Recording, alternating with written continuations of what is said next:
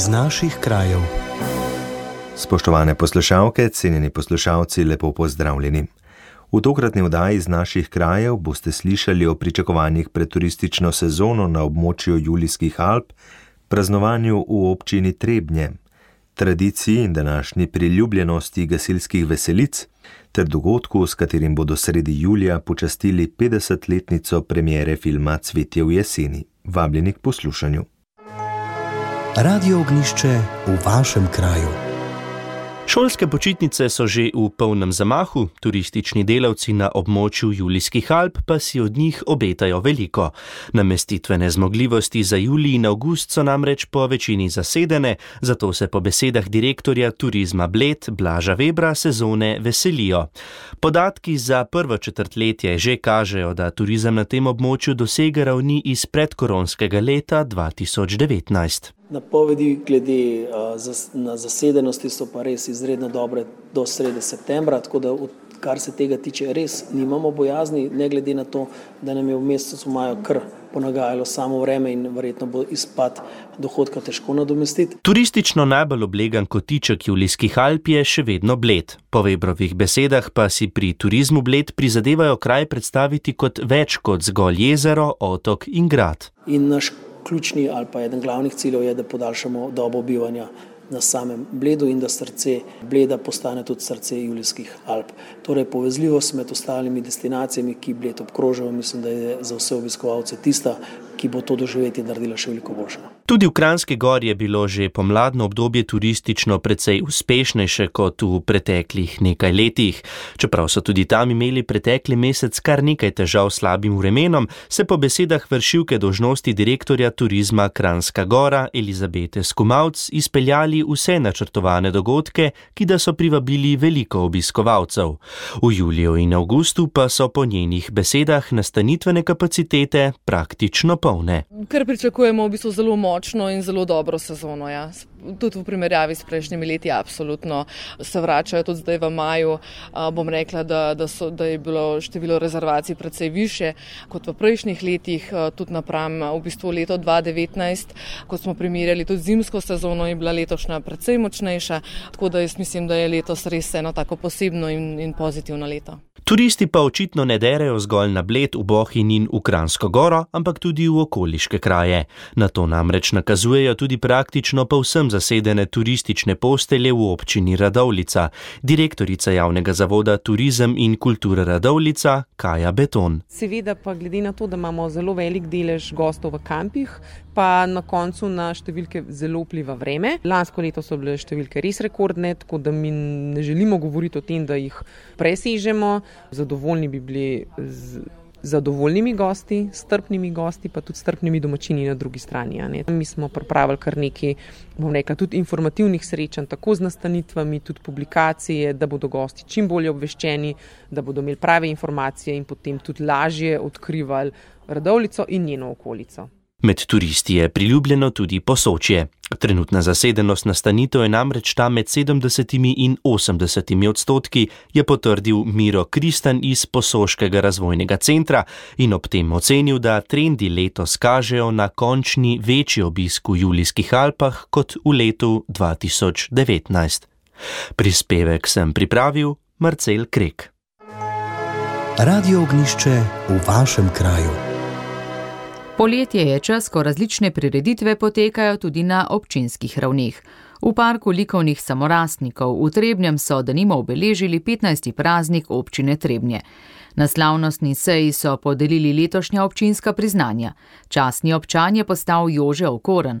Plaketo je prejel Zavod za kulinariko in turizem Dobrote Dolenske, priznanji pa Anton Kek in Alois Molh.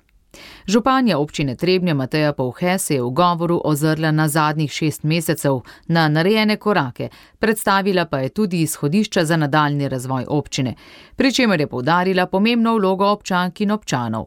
Posebno pozornost pa je namenila prejemnikom priznanj in dejala. Občinska priznanja odsevajo hvaležnost prejemnikom za njihove izjemne dosežke. Podeljujemo jih posameznikom in organizacijam, ki z navdihujočim delom in predanostjo sledijo svojim strastem ter uresničujejo vizijo napredka in razvoja naše skupnosti. Njihov prispevek je neizbrisen in spodbuja druge, da tudi sami prispevajo dobrobit ne le lokalnega, ampak tudi širšega okolja. Njihovo neprecenljivo delo nas povezuje in bogati. Novi častni občan občine Trebnje je Jože Okoren, prvi slovenec s paraolimpijsko kolajno, dolgoletni predsednik in soustanovitelj Društva paraplegikov Dolenske Bele krajine in Posavja. Naziv je prejel za življensko delo in izjemen prispevek k razvoju slovenskega športa, predvsem invalidov, ter za ustrajno in življensko energijo, s katerima navdihuje k izboljšanju položaja invalidov in spodbuja k ustvarjanju vključujočega okolja in solidarnejše skupnosti za vse. To je priznanje, ki sem ga dobil v kraju, kjer živim. Ne? In to ni samo priznanje neke komisije, ne vem, nekega posameznika, ampak to je priznanje občine, občinskega sveta in konc koncev vseh občank in občanov. Kot sem že povedal, ponosen sem, da tukaj živim, ker so me ljudje lepo sprejeli in uh, želim, da ne tako še naprej ostane. Plaketo občine Trebnje je prejel Zavod za kulinariko in turizem Dobrote Dolenske za povezovanje dolenskih ponudnikov in njihovih izdelkov v celovito kulinarično zgodbo, s katero se hkrati ohranja dediščina, prenaša znanje in vzpostavlja turistična prepoznavnost občine in regije. Priznanje občine Trebnje pa sta letos prejela Anton Kek za skoraj polstoletno pripadnost gasilski organizaciji ter vključenost v razvoj domače krajovne skupnosti in različne društvene aktivnosti. In Franz Mulh za spodbujanje organiziranega vinogradništva in vinarstva ter za dolgoletno spoštovanje gasilskih vrednot in prenos na mlade. Prireditev je povezovala Petra Krnc-Laznik, so ustvarjal jo je godalni orkester glasbene šole pod vodstvom Marka Fabjanija, ki je skupaj s sopranistko Manco Korbar in kvartetom Ingenium obiskovalce odpeljal na glasbeni potep. Prispevek sem pripravila Tanja Dominko. Radio ognišče v vašem kraju.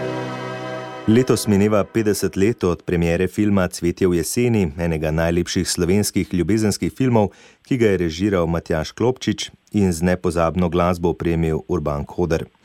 Kadri na podeželju so bili posneti v krajih pod Starim vrhom in ker je leto 2023 posvečeno Ivanu Tavčarju, avtorju povesti, po kateri je nastal film, so se v tamkajšnjem turističnem društvu sredi julija odločili pripraviti pestro dogajanje, zakaj gre, nam bo pojasnila predstavnica turističnega društva Stari vrh Hermina Jelovčan. Lepo pozdravljeni. Lepo pozdravljeni tudi z moje strani. Prvi dan se bo dogajalo že v petek 14. julija, ko pripravljate kulturni večer s predvajanjem filma. Skupaj s kulturno-zgodovinskim društvom Pstote smo pripravili uh, projekcijo filma na predvečer, to je uh, film pod, v bistvu kino pod zvezdami. Uh, začel se bo uh, tam okrog 8 ure z manjšim spremljevalnim programom, bo pa res uh, en tak zelo lep večer.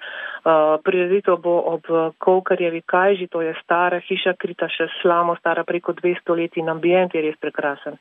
V soboto 15. julija bo na to sledil prav poseben pohod. Odkje, kdaj se bo začel in kako se bo potem nadaljevalo? Pohod bo Eh, izpred eh, Jajlarjeve domačije potekal proti Javorjam, eh, iz Javor proti Žetini oziroma proti Hlevišam in od tam nazaj preko Četine ravni do Jajlarjeve domačije.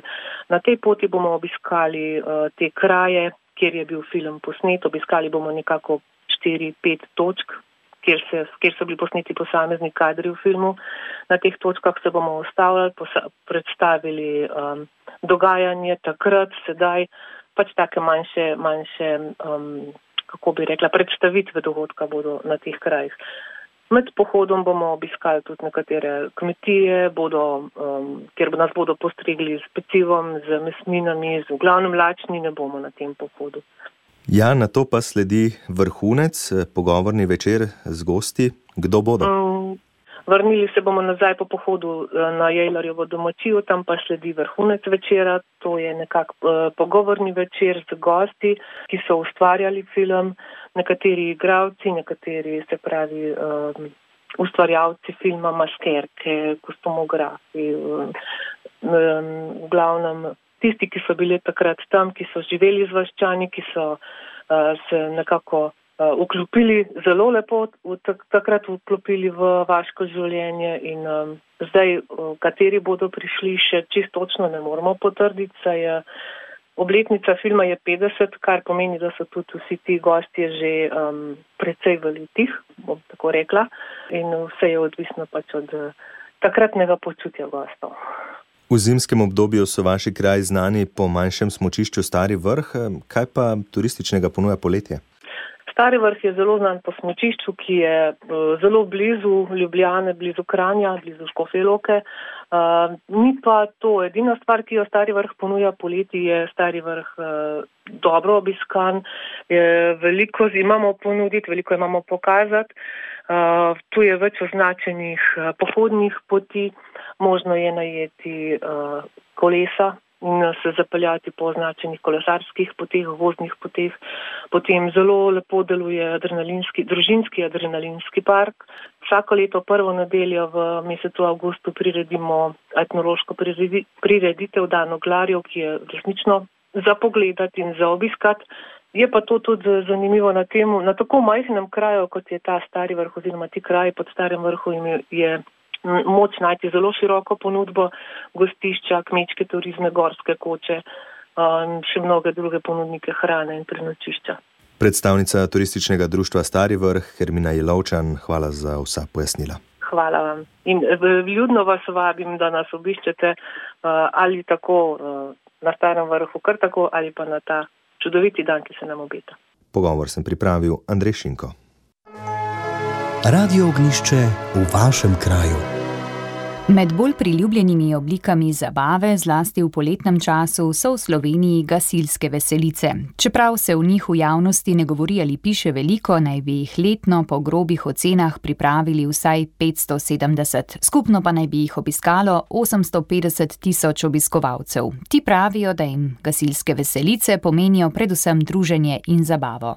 Dolgo nazaj so naši predniki eh, pričeli z organiziranjem tako imenovanih nekih druženj uh, za krajane, uh, očitno v, z nekim namenom, da je bilo v tistih obdobjih tega druženja premalo, uh, posledično so pa na različne načine pridobivali tudi neka finančna sredstva, ki so jih potem uporabili za nabavo različne opreme, ki so jo še potrebovali v svojem gasilskem društvu. Tako kot v preteklosti se te veselice izvajajo še marsikje, ponekod so to sicer tudi že opustili ali pa izvajajo na nek drug način, drugače pa lahko rečemo, da kar v večini gasilskih društv v Sloveniji Eh, se te veselice še vedno izvajajo in tudi namen ali pa rekel, dobiček od takih veselic seveda gre v namen za delovanje društva in za nabavo opreme je pojasnil Istok Zajc z Ljubljanske gasilske brigade. Natančnih podatkov o tem, koliko slovencev redno ali občasno obiskuje veselice, ni, a organizatorji večjih veselic zatrjujejo,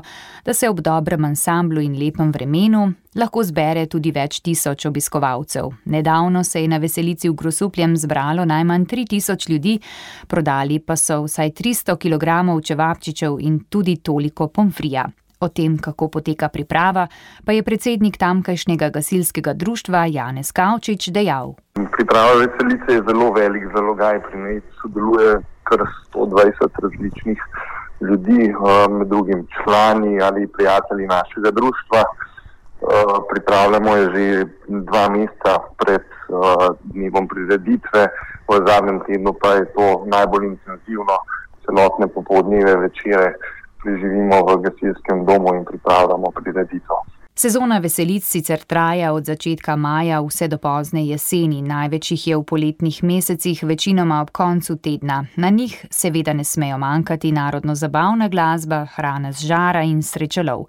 Zakaj pa se jih ljudje udeležijo? Bolj kot ne, odkar imamo otroke, zaradi druženja, zabava, glasba sprostitev. Otroci so, so zadovoljni, počakamo tam do ene devete, dok niso preveč utrujeni, pa pa že počas domov. Ne.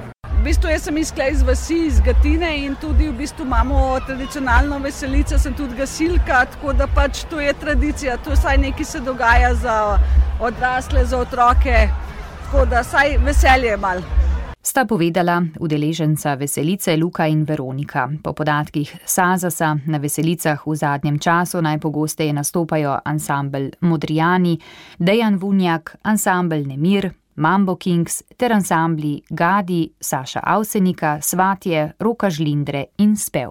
To je bilo v današnji oddaji vse. Če se kaj zanimivega dogaja tudi v vašem kraju, nam to lahko sporočite na elektronski naslov deskafnaognisce.si. Če ste del oddaje slučajno zamudili ali bi prisluhnili še enkrat, pa vabljeni v audio arhiv Radio Ognišče, sicer pa hvala za pozornost in lep pozdrav do prihodnjega tedna. Poslušali ste oddajo iz naših krajev.